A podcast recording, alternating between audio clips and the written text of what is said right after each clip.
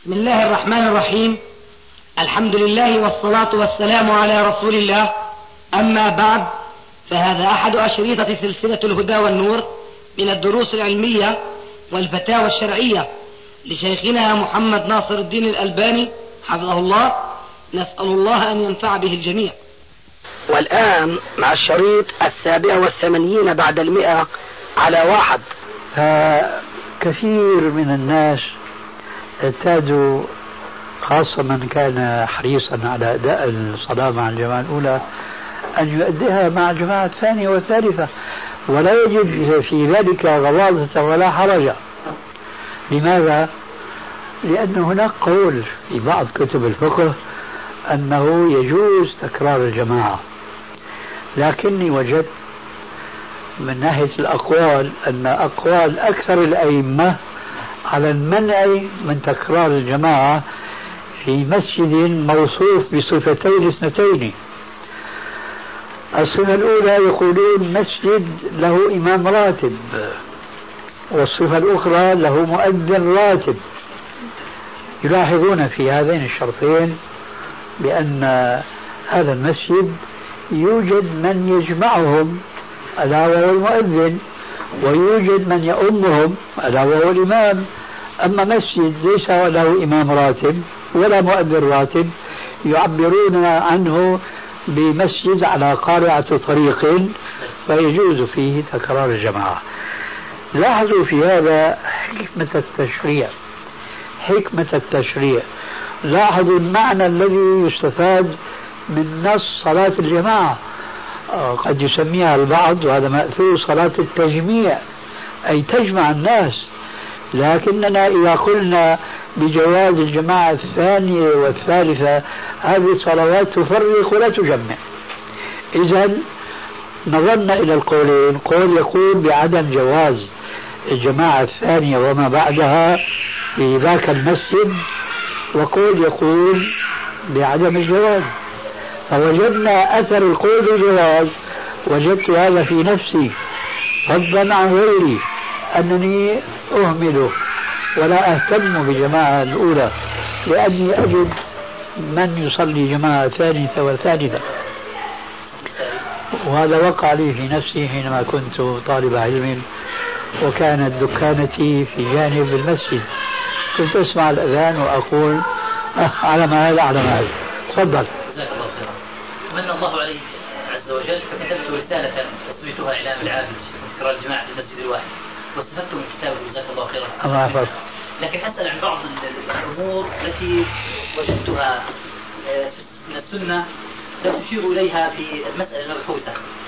آه، أولا جواز الاحتجاج في حديث رسول الله صلى الله عليه وسلم. وعليكم السلام ورحمة الله وبركاته. الذي أبي داود بن خزيمة الصحيح آه، يعجبني أن تكون صلاة المؤمنين واحدة.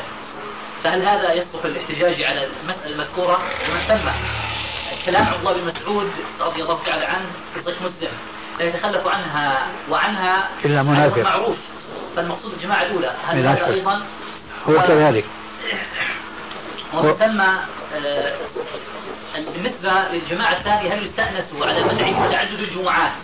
من أتوا متأخرين جماعة فاتهم الجمعة. فيمنع العلماء قاطبة يمنعوهم من إقامة الجمعة الأخرى. آه. فهل هذا أمر أو الجنازة كذلك؟ هو كذلك بارك الله فيك. ويحسن أن تصطادر بهذه المناسبة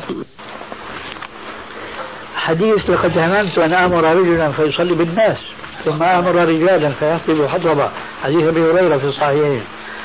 لكن يوجد في صحيح مسلم حديث ابن مسعود في الذين يتخلفون عن صلاة الجمعة. فجاء الوعيد بالنسبة لصلاة الجمعة كالوعيد بالنسبة لصلاة الجماعة. فدل على أن التخلف عن كل من الصلاتين حكم ما سواء وأيضا نفس الحديث الذي يوجد في الرواية أنهم لا يشهدون الصلاة معرفة وليست منكرة الصلاة قائمة في أذهان لا شك. أي نعم. وهي الأولى. صحيح هذا. موفق إن شاء الله. أسأل عن حديث أبي بكر اللي عند الطبراني في الأوسط. آه الهيثمي في المجمع حسنه ونقلت تحسينه وفي إقرار في عبارتكم له. نعم. وقست على سند على سنده في آه، مجمع البحرين وأيضا في الكامل. رواه يعني في الكامل. فيه عن عنة بقية. الحديث. آه. كيف؟ الوليد بن مسلم معنى الوليد بن مسلم وليد بن مسلم نعم آه. معنى الوليد بن مسلم إيه. ما أدري ما قولكم في تحسين الحديث. لا شك إذا كان آه، يعني طريق محصورة بالوليد فيستأنس بالحديث ولا يحتج به. أي نعم. والمصدرين اللذين ذكرتهما من طريق الوليد نفسه. الوليد. نعم نعم السلام عليكم يا شيخ. في المسائل مطروحة مع آه تفضل. المسابقة الأولى. شو- المسابقة. ما أظن أنه الجواب السابق جزئية بسيطة. أنا بظن أنه ممكن تغني كل شيء. آه. هي قضية الأرباح التي توضع في داخل المغلفات المبيعة إنه إزازة بيبسي بحط فيها مربح غير المسابقة الثقافية. المسابقة الثقافية أستاذ آه، المسابقة. جهه تطبع كتاب. تبيعه. تاخذ ثمنه. الآن هذا موجود في المساجد في دور القرآن الآن مسألة واقعة. نعم. دار القرآن بمناسبة معينة أو بمناسبة فتوح المدارس مثلا أو إقبال الطلاب عليها ذلك يكتبون كتابا أو كتيبا فيبيعوه للناس. في الآن حالات في الصورة في الواقع بعض دور القرآن آه، تنظر للمحسنين فتأخذ فتجمع جوائز قبل طبع الكتاب وتوزع عليهم. تبقى الآن مشكلة قائمة الأموال التي حصلناها من بيع الكتاب بثمن رمز. ماذا نفعل بها آه، هنالك طريق آخر يعمل على بيع الكتاب بثمن مضاعف لثمن الكلفة ويشتري الجوائز من ثمن الكتاب ويعطيها للفائزين.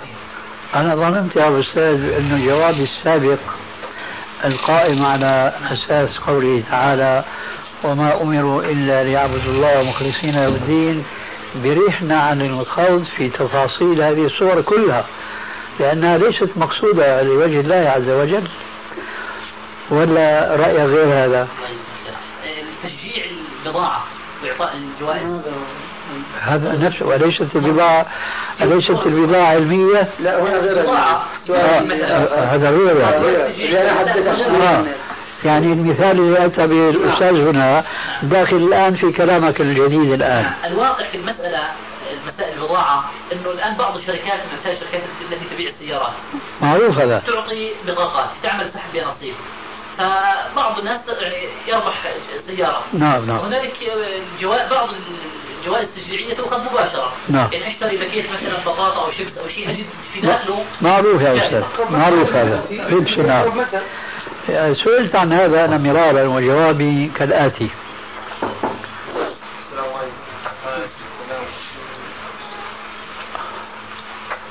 هذه الصور إما أن تدخل في باب الجعالة وإما أن تدخل في باب المقامرة. وبيانه السيارة التي آه، كانت من نصيب زيد من الناس وهي مثلا تساوي أربعة آلاف دينار.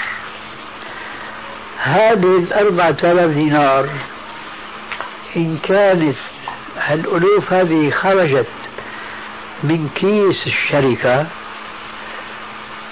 فهو جعالة.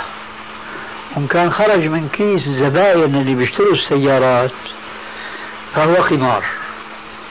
بمعنى كانت الشركة تبيع هذه السيارة قبل أن تظهر بهذه الجعالة نسميها الآن.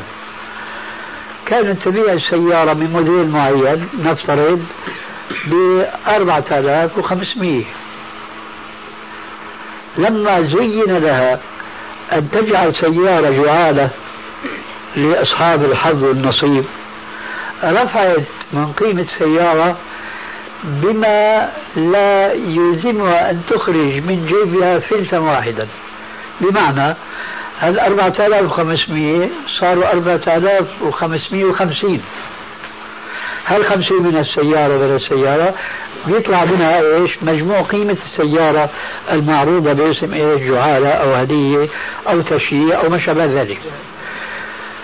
فإن كان هذا فهو قمار لأنه أنت وزيد وبكر وعمر راح تشتروا وما راح يطلع الكل واحد آخر بيطلع أخذ سيارة من كيسكم مش من كيس الشركة. وهذا الصورة هذه؟ كذلك نقول عن البيبسي وغير البيبسي أشياء كثيرة وكثيرة جدا. فإذا كانت هال هالأشياء التي جعلت هدايا هي من كيس الشركة فعلا. كما يزعمون من باب إيش؟ ترويج بضاعتها. فهذه من باب الجعالة ما فيها إشكال إطلاقا.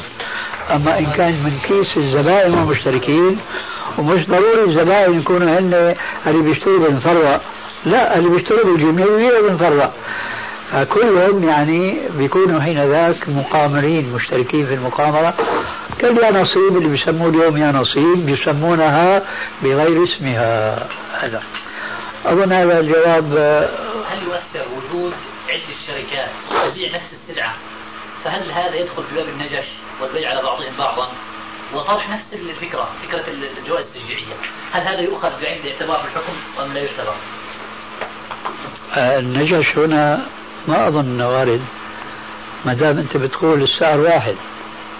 سعر واحد. إذا أنت بدك تقول مش النجاش بدك تقول المزاودة ما فيش مخادعة فيها لأنه أصلا ما في مخادعة أي نعم.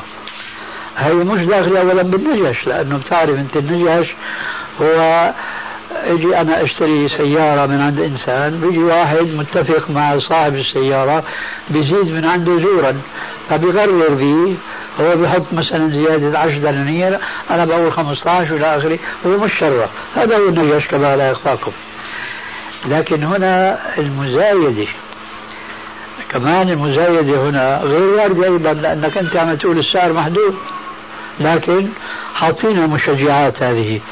فإذا هنا ما في عندنا إشكال جديد سوى الإشكال السابق. هل هي جعالة أم هي مقامرة يعني الفارق شيخنا هو أنه زيادة الثمن كانت إزازة البيبسي قبل المربع حق 10 قروش. إذا زاد دخل هنا أي نعم. إذا ما زاد بقيت. أي نعم. أي نعم.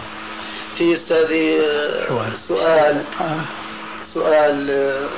ربما بعيد من المسألة الأولى بشكل يمكن قريب. أيوة شو بدي اشرح نعم. هو انك ذكرت في إحدى كتبك في عند حديث أن أول ما خلق الله القلم. نعم.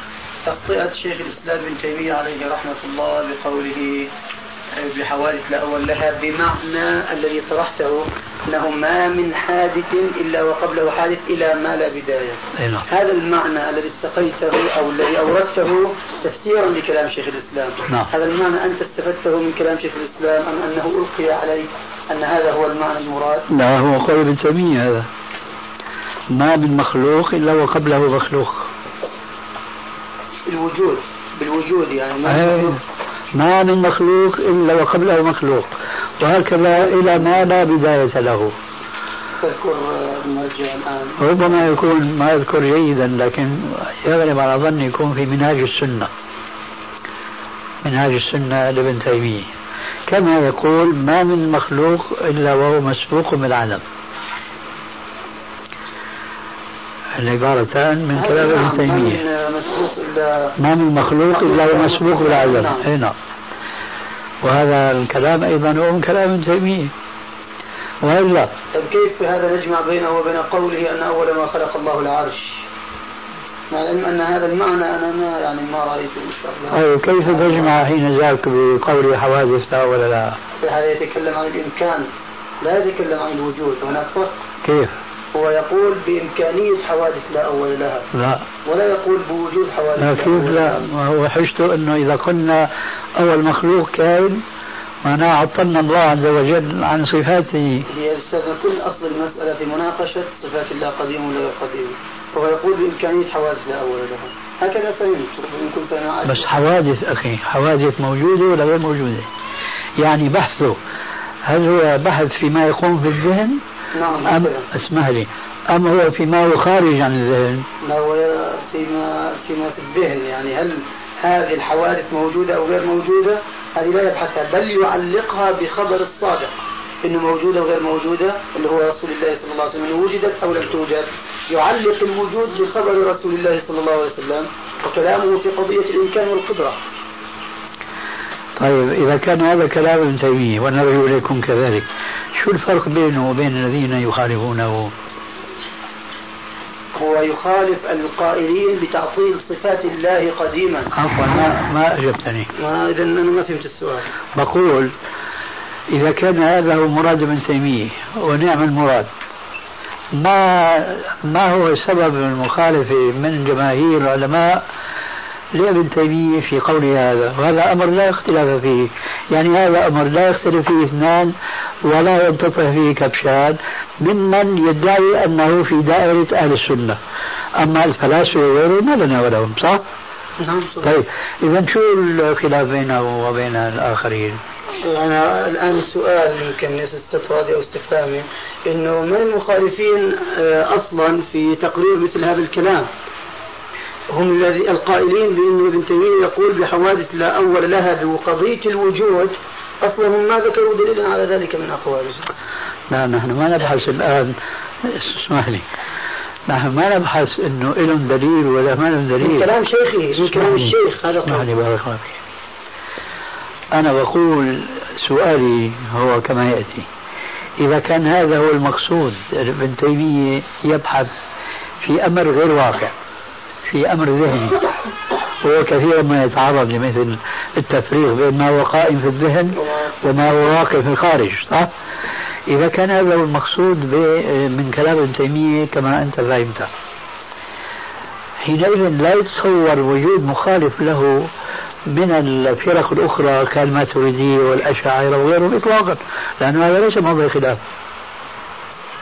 واضح سؤالي؟ نعم، طيب. يعني مخالفتهم انه ما بتلزمنا أيوه نعم هذا اللي يقول مخالفتهم له مناقشتهم ما بتلزمنا إنه هيك كلامهم معناه يعني فهموا.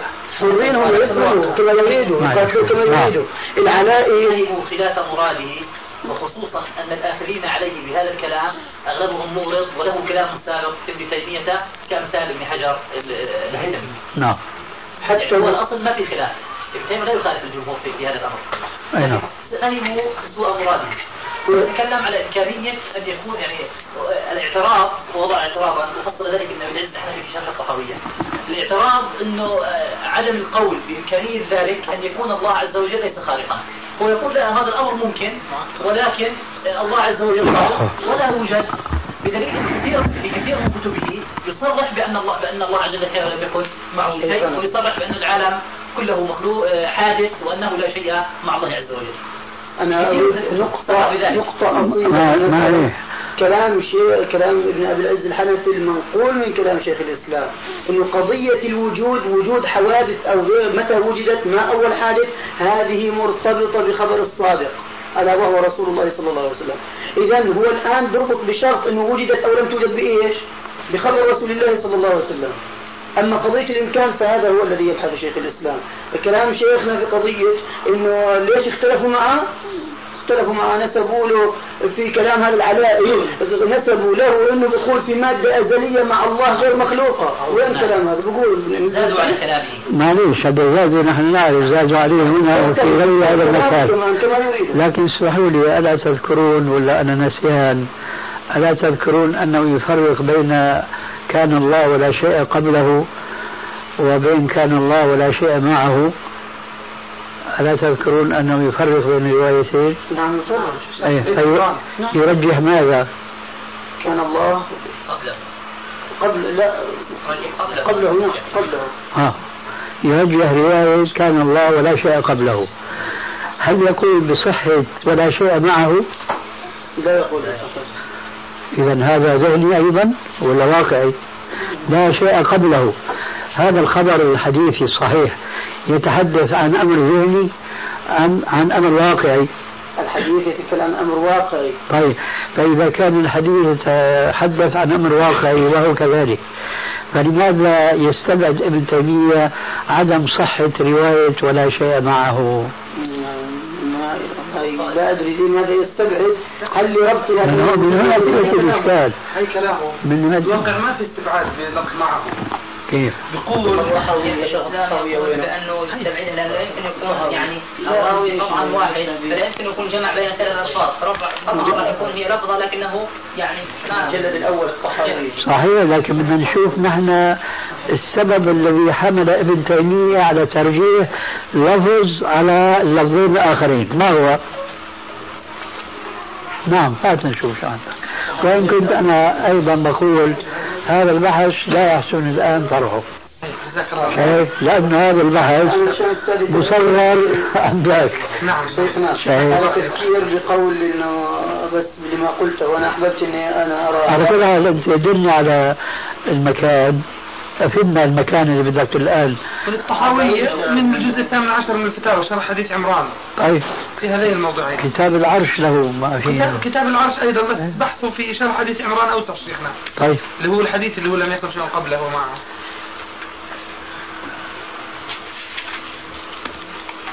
إن شاء الله ينبغي أن نعيد النظر في هذا البحث جيدا.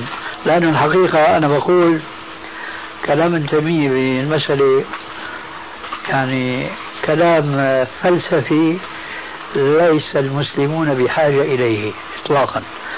أنا طبعا موقفي يخالف موقف المعادين والوادين. أنا بقول هذا الكلام ما كان يحسن الخوض فيه بكفي أنه يكون أحب الناس يعني ابن تيمية إليه مثل أنا أن يسيء فهم هذه المسألة. بكفي هذا وأمثال كثر. أمثال كثر. مسألة ما في عليها يعني نصوص من الكتاب والسنة فيأتي هو يستدل بنصوص عامة.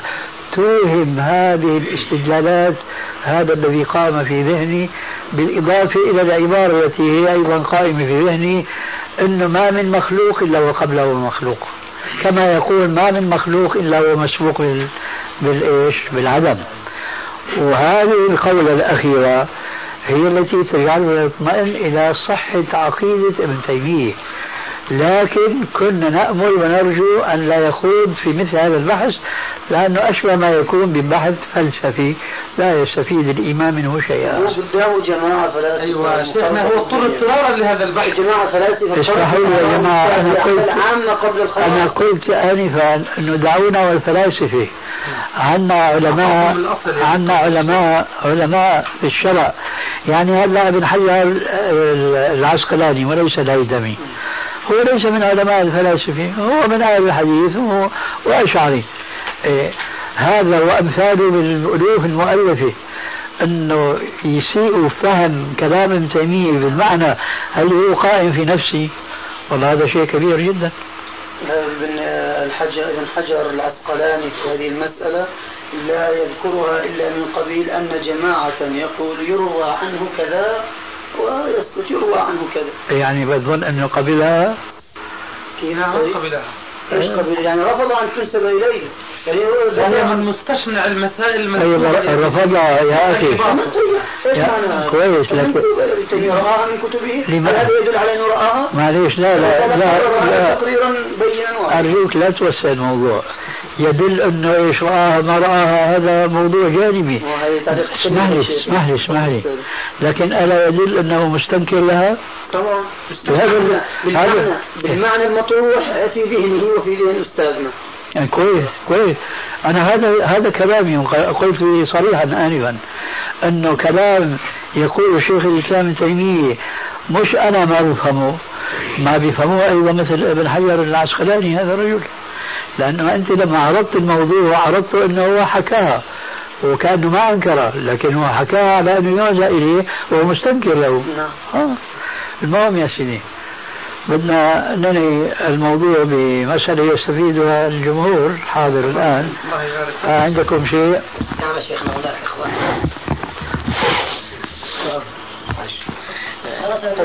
الحد الأعلى الحد الأعلى يعني الأعلى وقت حتى صلاة الصبح. يعني لغاية طلوع الشمس ولا لبعد طلوع الشمس بقليل أو قبل بقليل؟ الجواب في الحديث الصحيح. قال عليه السلام من أدرك ركعة من صلاة الفجر قبل أن تطلع الشمس فقد أدرك. الحمد لله. نعم ركعة فإذا لم يدرك الركعة فقد فاتته الصلاة ولا قضاء لها. السلام عليكم. ما هي النية مثلا؟ إذا أراد أن يصلي مثلا بعد طلوع الشمس في نية يعني تختلف عن النية قلنا لا قضاء لها يا أخي.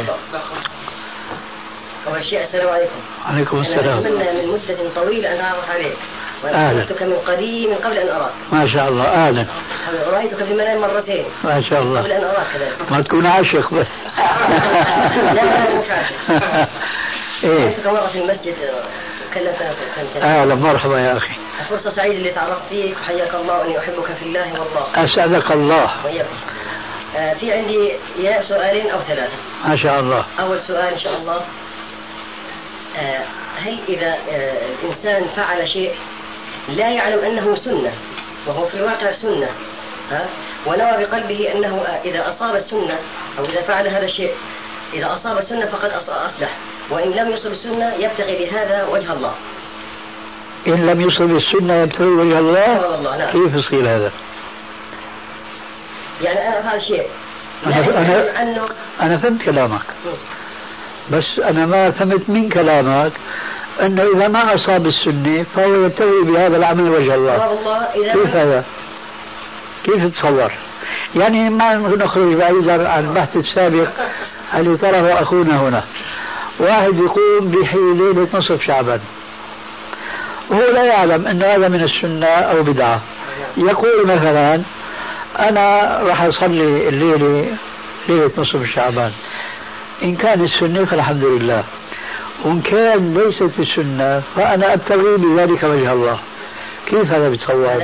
في أنها بدعة اترك لي هلا أنا مثال عم أجيب لك إياه. مثال. بتريد تجيب أنت مثال من عندك لا. ريح حالك أنا جبت لك مثال. قصدي من هذا المثال أفهم كلامك الأخير. إنه إذا ما كان سنة فأنا مع ذلك أبتغي به وجه الله. كيف يعني بتصور هيك؟ يعني أنا ما بحكي عنك بحكي عن واحد غيرك. قال ليلة نصف شعبان والله في خلاف كثير. هذول السلفيين أهل الحديث بيقولوا هي بدعه وكل بدعة وهي كلها منها. هذول بيقولوا قال رسول الله وشو فيها يا أخي والى اخره ضاع مش أنت هذا غيرك. ضاع بين هون وهون شو بيقولوا بين ما حمانا من أنا وما ضاعت لحالها. ضايع هذا هو. لكن مو أنت ولا غيرك. اسمع. فهو ضاع الرجل شو قال في نفسه؟ أنا راح أحييها. إن كان سنه سنة فضيلة السنة وإن كان ما سنه فأنا أفعل ذلك ابتغاء وجه الله.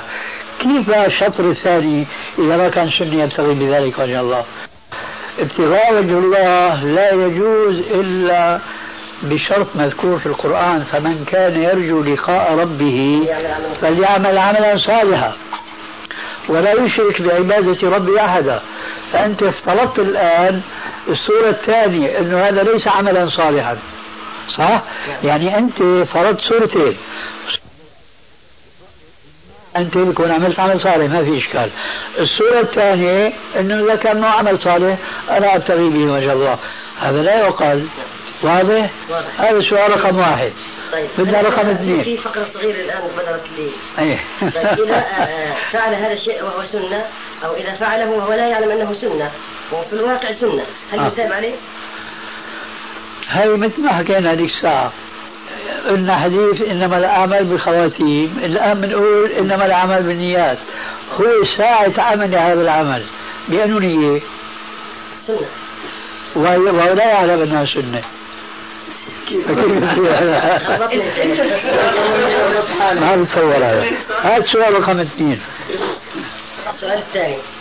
آه، كل عمل صالح كل عمل خير يفعله الإنسان طبعا عن الكتاب وعن السنة بشكل صحيح يعني مضبوط يتحرى السنة في هذا الشيء حتى ولو كان عمل آه، يعني آه، عمل يشتغل مشان يجيب فلوس يحضر لأولاده طعام لنفسه نعم. لأهله أي شيء عمل خير صالح إن كان عبادة أو غيرها؟ هل آه، يجب عليه أن يستحضر النية ابتغاء ثواب الله هذا يفعله؟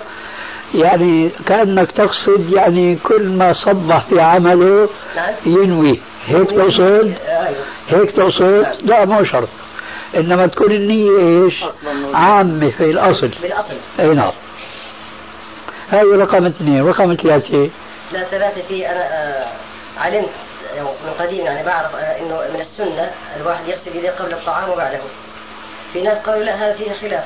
قال الشيخ محمد نصر الألباني أكل عندي ما غسل يديه قلت له الشيخ الألباني ليس حجة أنا ما غسل يديه بس بالبردان قلت له. هذه حجة قوية فأنا أسأل هل هو سنة غسل يديه قبل الطعام؟ بدأش تقديم القول على الفعل الثاني سنة إذا كان في يدك أو يديك لوثة. أما إذا فرضنا صورة الآن أفرض لك إياها مشان تفهيم المسألة. توضيت من هون وقمت صليت من هون ووضع العشاء من هون وقمت إيش؟ تغسل إيديك.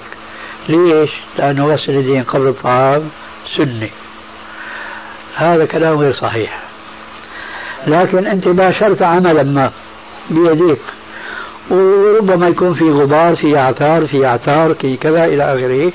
فغسلت إيديك. هذا من باب النظافة. فهذا يشرع ولا نقول سنة ومن الدليل على ذلك أن الرسول صلى الله عليه وسلم أقيمت الصلاة في المسجد فخرج إلى المسجد يصلي بالناس إماما. فمر بقدر فيه لحم فأخذ قطعة منها وأكلها وصلى بالناس إماما. شو رأيك بقى؟ لا غسل قبلها ولا بعد؟ أبدا. من تمام الفائدة أن نذكر بأن هذه السنة المزعومة مثل سنة إحياء ليلة نصف من شعبان وصوم نهار شعبان نصف شعبان قائم على حديث ضعيف. كل ما هناك أنه حديث شعبان أشد ضعفا من هذا الحديث الضعيف اللي الآن راح لك وهو من بركة الطعام الوضوء قبله وبعده. هذا حديث ضعيف. لا يجوز العمل به كما قلنا لأنه نحن في غني عن العمل بالأحاديث الضعيفة. ولذلك جاء عن بعض السلف التنصيص والتصريح بكراهة غسل اليدين قبل الطعام. ومنهم الإمام سفيان الثوري وبهذا القدر ننهي الأجوبة. لكن لي معك نصيحة ما دام في عندك الحرص على العلم وبتحب من تظن فيهم أنهم من أهل العلم. لماذا تتشبه بسيد العلماء وهو رسولنا صلوات الله وسلامه عليه؟ يقهرني.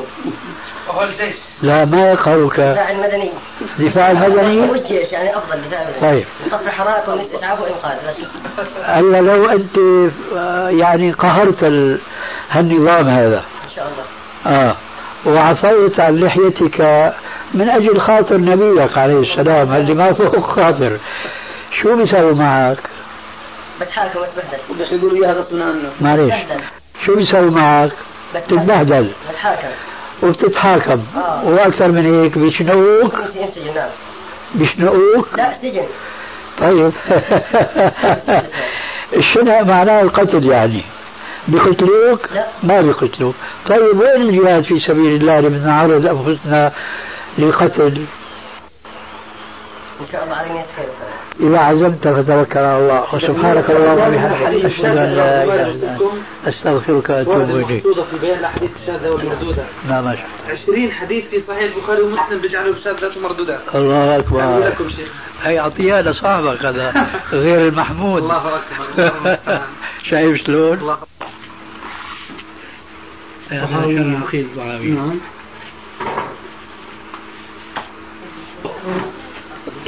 137 شركة طبعا يمكن ما انهم الرابعة في صرف استفادة المصارف ولا طبعا شو الطبعة؟ الرابعة. الرابعة الرابعة 137 138 كيف؟ 138 مش 138 مهم يعني؟ وشرح حديث عمران المجلد الثامن عشر؟ أن كل ما صح عن أنا باحث في نعم ذكرت في كلام قضية التنبيه على وهنا إلى إيه، يعني نعم نعم. نعم. شو؟ المجلد الثامن عشر شرح حديث عمران بن حصين. هاي 18 فتاوى. فتاوى. فتاوى. شرح حديث عمران. موجود؟ موجود صور نفس الدرجة المصرية لكن آه. يقول المصور هو المصور الصور مو هذا لا. آه. قال أنا هذا الكتاب آه. وكأنه أبو غدة بيشتغل فيه هذا نعم. الثاني نعم. الثاني. الثاني ولا كله؟ بيشتغل فيه كله إيه هو سمعنا سمعنا ترتيب حتى غيره. كمان ترتيب ثقات العجلي عن ترتيب ثقات العجلي لا يجي عندي خبر إنه آه. هو بيشتغل اللي بيشتغل ترتيب ثقات ابن حبان للهيثمي هو القلعجي آه. وأنا أخبرت بهذا منذ أكثر من عامين. طيب إذا قبل ما تصوروا ممكن نطلع عليه هذا الجزء الأول. شوفوا تحب ما في. لا مش الآن بدي أخذه معي. إذا في مجال يعني. في مجال جزاك الله خير. لا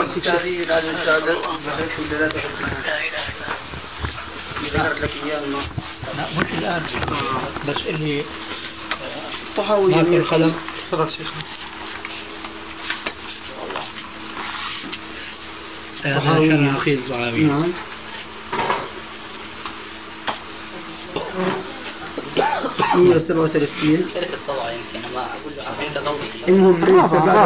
استفادة المصالح ولا لا ليس بعد طبعا شو الطبعة ده؟ الرابعة الرابعة الرابعة 137 138 كيف؟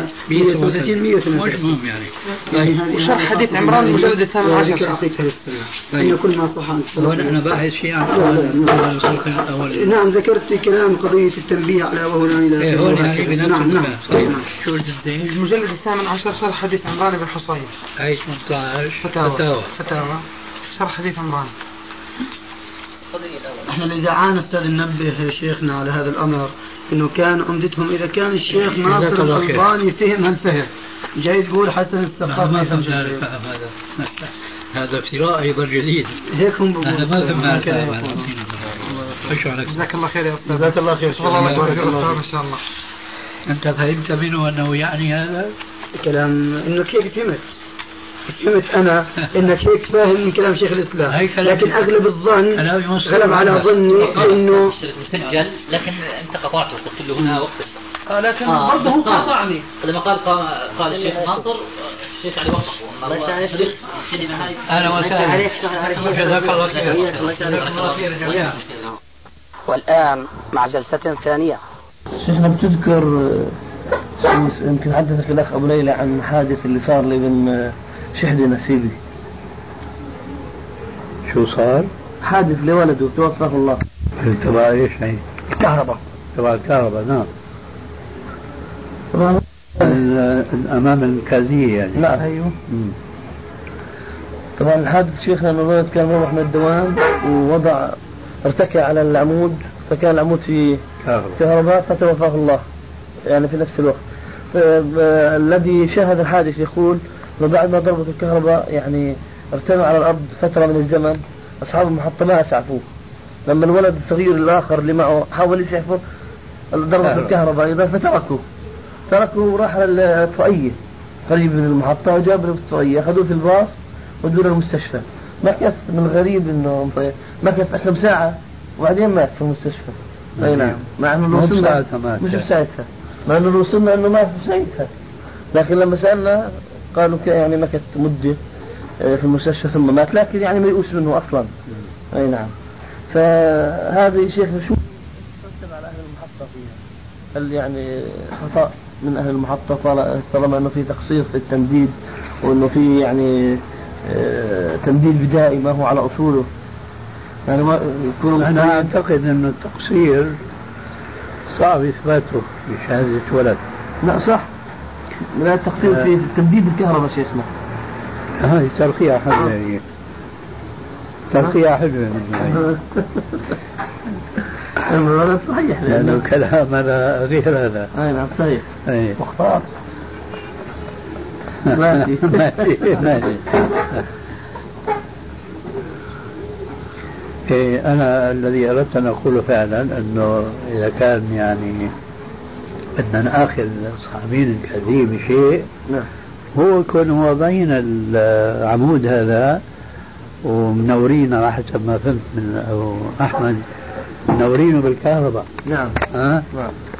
وهذا أولا شيء آه، كمالي ما هو ضروري. نعم. وثانيا كان يجب عليهم ال- يعني اتخاذ الوسائل التي تحول آه، بين مثل هذا الحادث نعم. آه. فمن هنا هم يدانون أما قضية ما بادروا ما أغاثوا يمكن كل واحد في شغله ولا عنده خبر شو أصاب الولد. أو خافوا من الكهرباء يعني موظف جاء ثم رجع. آه. عجيب. اي نعم آه. طيب لا ينتبه للكهرباء فيقطع الباب. ما قطع الكهرباء كمان. لا يعني في وقت الحادث ما نزل ساعة الكهرباء. على كل حال من الزاوية فقط ممكن إدانة المسؤولين هناك في الكازية. شيء ما هو يعني مهم؟ يعني يعتبر مثلا قتل خطأ هذا شيء. إي نعم.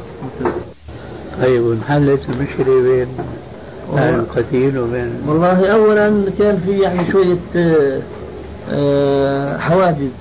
أنه أهل القتيل كانوا بدهم آه، طلب اسمه فراش عطف في العادات. وعند الصلح يعتبر من الدية. وكانوا هناك جماعة ممتنعين عن دفعها. أي نعم. بعدين بفضل الله عز وجل دفعوا. أي نعم. وبنفس الوقت لما صار عليه كلام كثير رجعوا المبلغ نفس الجلسة. مين رجعوا؟ أهل القتيل. ليه؟ على أساس أنه عند الصلح يتم الدفع.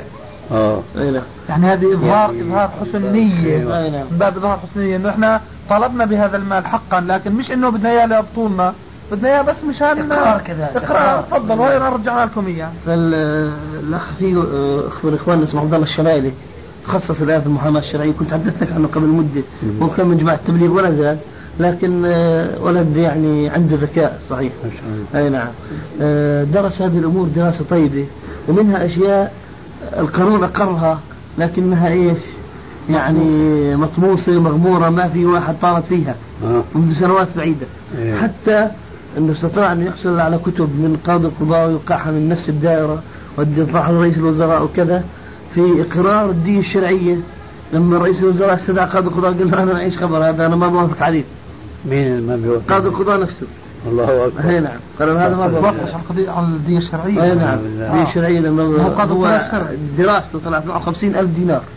هذا الأخ عبد الله الشمايلي. على الذهب. آه الدية أي نعم. ف... عملوا اجتماع لمجلس الإفتاء فيه 11 عالما. إيه. أو شيخا. عالم. عامل عام فسبحان الله العظيم آه آخر شيء اقروا إنه في يعني دية إيه. لكن آه إبل حسبوها على إبل رومانيا. على أرغب الأسعار. ربنا الله دغري يعني مش فيها إبل. إبل. على إبل رومانيا حسبوها تطلع 12500 يا سلام بعدين بعدين قالوا هذه في رومانيا المهم ابل خلينا نقصر اجور النقل فختموا كمان 2500 صارت 10000 فلا زي آه، سخرية الدار. شيء عجيب شيء عجيب جدا. شيء عجيب جدا. طبعا هو الأخ عبد الله حصل فيما مضى حصل لي شرعيه من المحاكم. واحد حصل 50000 الله هي؟ لواحد من عمان وكلوا فيها. إيه. اي نعم كويس. آه، هذا نسيب يعني الآن في حيرة شديدة شي- شيخنا من الموضوع هو طبعا بقول إنه أنا بدي آخذ كل ما يسمح به الشرع. كل ما يسمح به الشرع بدي آخذ. لأنه هذا ابني صار عمره 15 سنة. بلحظة طبعا أنا لا أنكر القدر بقدر الله وقدره. آه. بلحظة انتهى. يعني ما شاء الله صبر أي نعم. الله أكبر. فأنا يعني بدي آخذ كل ما يعني الله سبحانه وتعالى يسمح لي اني اخذ قلت له إذا أنت بدك تأخذ لابد آه، الدية الشرعيه تصل مبلغ كبير. إيه. لكن في شيء عندهم الان في قانون العشائر إنه بدون محاكم بدون شيء ممكن يدفعوا لك 10000 دينار. بدون محكمة شرعية وبدون قضاء. أيوه. هذه المشكلة إنه أهله عندهم قاعدة إنه إذا أخذوا عوض فورا بصير عندهم مشكلة. وبيستشهدوا على هذا بحوادث صارت معهم كثيرة جدا. شيطان. شايف؟ منها حادث صار مع نفس الشحده كنت أنا راكب معه. سيارة. سيارة موديل سني مرسيدس. ضربت. كان فعلا الحق على ذاك الرجل ونزل ب- بقلة أدب. قلت له اذا لا تتركوه حتى يتعلم. فعلا جبنا شرطة وكذا ومشيت فيها حتى دفعنا 100 دينار. فثاني يوم هو في المحل الشغل تبعه مكتوب السيارة. أخذ السيارة وراح مشي شجر وضرب السيارة. من حيث لا أدري. فمثل هذه القصص بيذكروها إنه إذا إحنا أخذنا عوض تصير عندنا مشكلة وكذا. فالرجل يعني في حيرة قلت له والله إذا الله قدر لي اجلس مع الشيخ ناصر بإذن الله إلا أجي يعني أتيك برأي منه. نعم.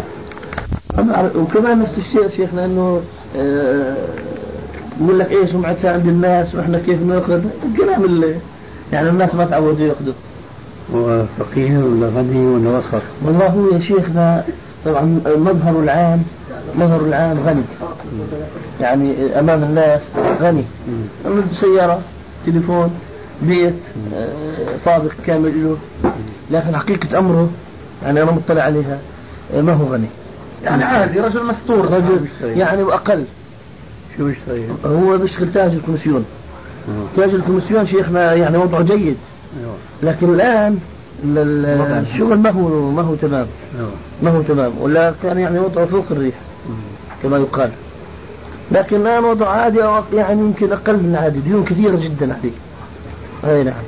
فبقول لي يا أخي أنا بدي إذا أخذت أنا على الأقل يعني في مثلا أحيانا مدير البنك هو شيكات وما شيكات بكتب له. أحيانا مدير البنك يمشي لي أشياء لثقته بي وهذه هذه الأشياء بتكون قرض ممكن يخصم علي فوائد كذا. قال أنا بدي آخذ مشان أريح من الفوائد على الأقل. قلت له والله أنا أرى أنا أرى أنك تأخذ ما أحل الله وتبتعد عما حرم الله. دي الله سبحانه وتعالى أحلها. والبنك الله حرمه. خذها وما تودع كلام الناس. نعم. أحسنت. فقلت له إن شاء الله برضه أنا إذا كل أنت. كل إذا التقيت بالشيخ إن شاء الله يعني يأتيك برأي منه. استفيد منه إن شاء الله. واضح جدا وهو أن له الحق أن يأخذ الدية آه، إذا ثبت أنه في هناك قتل يدخل في باب قتل خطأ نعم طبعا هذا القراءة علما علما بأنه باب العفو والصلح آه، مفتوح.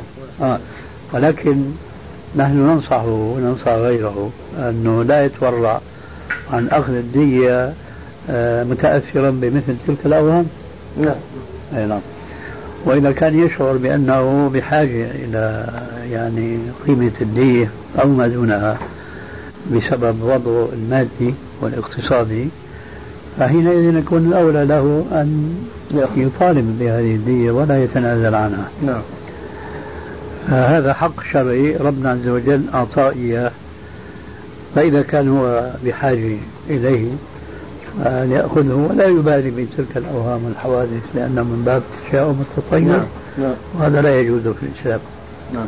طيب يعني ممكن شيخ ممكن يأخذ مثلا آه، قسم اللي هو هذا معترف فيه بحق العشائر اللي هو 10000 وسامح ب- الشرعي اللي مش معترف فيه بالعشائر. قوية هاي يعني آه. أمام الجاهل إنه أنا بدي حق الشرعي حق الشرعي أنا أعتقد إنه ما لا يقل أقل شيء 30000 فأنا آخذ 10000 وأس- وأسامح بالباقي.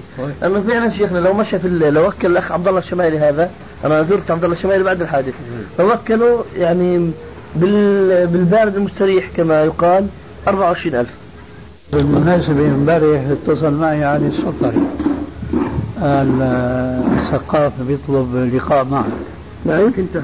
أنا معي فقلت له لا ما شوف هذا يسعى إلى الشهرة شيخنا. أنا عارف أنت اسأل أخواننا اللي اجتمعوا معه وناقشهم صار هو يثني علي يعني إنه أنا بشرته منصف أنا إيه إيه قلت له يا ولد الظهر معك حتى يصير هذا طبعا أن يجلس مع الشيخ ناصر جلسة. هذه عنده تسوى الدنيا وما فيها. شايف؟ أما سيكون سيجد الناس أنه ولد الشيخ. الله أعوذ بالله من والله موجود معكم. الله اكبر الشعر كان موجود. الشيخ كان موجود. الله طيب جيب لنا صوت الشيخ. أنا الشيخ النشر. قصة هل ترى يا شيخنا الجلوس مع حسن السقاف بعد هذه الجلسات ومع علمنا حرصه الشديد على الشهرة والسمعة؟ لا أرى هذا بعد اللقاءات التي قامت بين بعض إخواننا وبينه وظهر أنه موقفه أنه رجل هالك وراء الشهرة بالاجتماع مع أخواننا السلفيين وكما قال عليه السلام ولو بغير المناسبة لا يبلغ المؤمن من جر مرتين فتبين أنه لا فائدة من هذا اللقاء مع هذا الإنسان وبخاصة أنه كان يستدعي الرعاء وعامة الناس الذين لا يفقهون شيئا ليستكثر بهم ويتقوى بهم. فما أرى إلا أن الاجتماع به والمناظرة معه ما هو إلا ضياع للوقت. وربما قد يترتب من وراء ذلك مفاسد لهذا الشخص أو لغيره. وبخاصة أننا أنا شخصيا دخلت معه في تجربة خبرها عند الأستاذ علي فلعلكم تسمعون منه ما شهد هو بنفسه. وجزاه الله خيرا. من, من امتناع حسن آه، الدخول معي في المباحثة التي أو المناظرة التي كنا اتفقنا عليها. فماذا تذكر بهذه المناسبة؟ أذكر أنه جاء وكان الشرط في الجلسة أن أن يأتي ببعض الأبحاث التي كان قد كتبها ودفعها ليطبعها عند الناس. ففوجئنا في الجلسة أنه جاء بخفي حنين كما يقال وليس معه أي شيء ويريد أن يبحث. فقال له الشيخ شرط الجلسة أن تأتي بهذه الأوراق أو هذه الكتابات التي كتبتها. فقال لم آتي بشيء. وانتهت الجلسة على هذا ولم يذكر أي شيء ولم يتكلم بأي شيء قط. وأشاع. وأشاع بين الناس أن الشيخ حفظه الله يعني آه، لم لم يرد أن يناقشه أو امتنع من نقاشه أو ما شابه ذلك، وجاء بعض الإخوة وكانا صوفيين وتحدث بهذا الكلام أمامي فقلت لهم سبحان الله أبى الله أن إلا أن يظهر الحق. أبى الله إلا أن يظهر الحق. لذلك أنا كنت جالس في الجلسة وهذا الكلام ما صار قط. بالعكس الشيخ قال له تكلم وهو قال لن أتكلم. وطبعا كان زي ما ذكرت إنه كان رفض إنه أو ما جاب هذه الأوراق وكان شرط عقد الجلسة هذه الأوراق. لذلك شيخنا يعني الآن بهذه المناسبة أنا أطلب يعني لو كلمتين توجههم لإخواننا بعد عقد هذه الجلسات وأيضا ما ننسى إخواننا اللي هم في الطرف المقابل لأنه في إخوة لا شك أنه نحن لا نشك بحسن نيتهم وبصدقهم لكنهم لم يروا أمامهم إلا مثل هذا الشاب المدعي فبالتالي فتحوا أعينهم أمامه وعليه فلم يروا إلا إياه. فكلمة يعني لنا وكلمة لهم إن شاء الله حتى يعني تكون فيها فائدة وعبرة. أنا أرى بعد هذه التجربة كما ذكرت آنفا آه، ترك الاجتماع مع رجل لأنه تبين من تلك المناقشة القديمة أو التي كنا تعاهدنا معه على الدخول فيها فامتنع. ومن هذه التجربة الجديدة التي قامت بينه وبين بعض إخواننا آه، أرى أن يترك الرجل وبتعبير آه، سوري أن يزبل أن يزبل أي يترك. ولا يهتم باللقاء به ما دام أنه تبين أنه ليس قاصدا الحق وإنما قاصد شيئين اثنين وأحلاهما مر كما يقال. الأمر الأول يتعلق بشخصه وهو أنه يريد أن يظهر أمام الناس بأنه يستطيع أن يجادل السلفيين لأنه يعلم هو وغيره من المخالفين أن السلفيين هم أهل الحق وأقواهم حجة وبيانا. فإذا كان هو يعني يصمد معهم في المناظرة فمعنى ذلك أن هذه شورى تساوي عنده الدنيا وما فيها ولذلك هو حريص عليها. والأمر الثاني أنه كان يريد أن يحطم إمام السلفيين منذ مئات السنين وهو شيخ الإسلام ابن تيمية رحمه الله ولذلك كان حريصا كل الحرص على تكفير هذا الإمام الجليل. وفي الواقع إن كان يجوز لي أن أبدي رأيي بهذه المناسبة أن الموافقة في الدخول معه في هذه الجزئية التي ليس لها علاقة بالدعوة لأننا كما نقول دائما وأبدا لسنا تيميين فلو فرضنا لا سمح الله أن ابن تيمية صدرت منه كلمة كفرية فليس معنى ذلك أننا نحن نتبناها بأن ابن تيمية قالها. فنحن نختلف مع مع الذين يخالفوننا في الدعوة أننا لا نتبع أشخاصا غير معصومين وإنما نتبع محمدا صلى الله عليه وآله وسلم سيد المرسلين. لذلك ما دام أنه يبتغي كل من هذين الأمرين الأمر الأول الشورى لنفسه والأمر الآخر تكفير إمام السلفيين وهو شيخ الإسلام ابن تيمية رحمه الله. فأرى أننا نكتفي بما وقع سابقا أو قريبا من التلاقي معه وبخاصة أنه كان يسعى حثيثا لاستحضار كثيرا من أتباعه الرعاء الذين لا يفقهون من العلم شيئا. فيكتفى بما وقع. والله عز وجل يتولى الصالحين المخلصين والحق إن شاء الله سيتجلى لكل الناس الصالحين الطيبين إن شاء الله.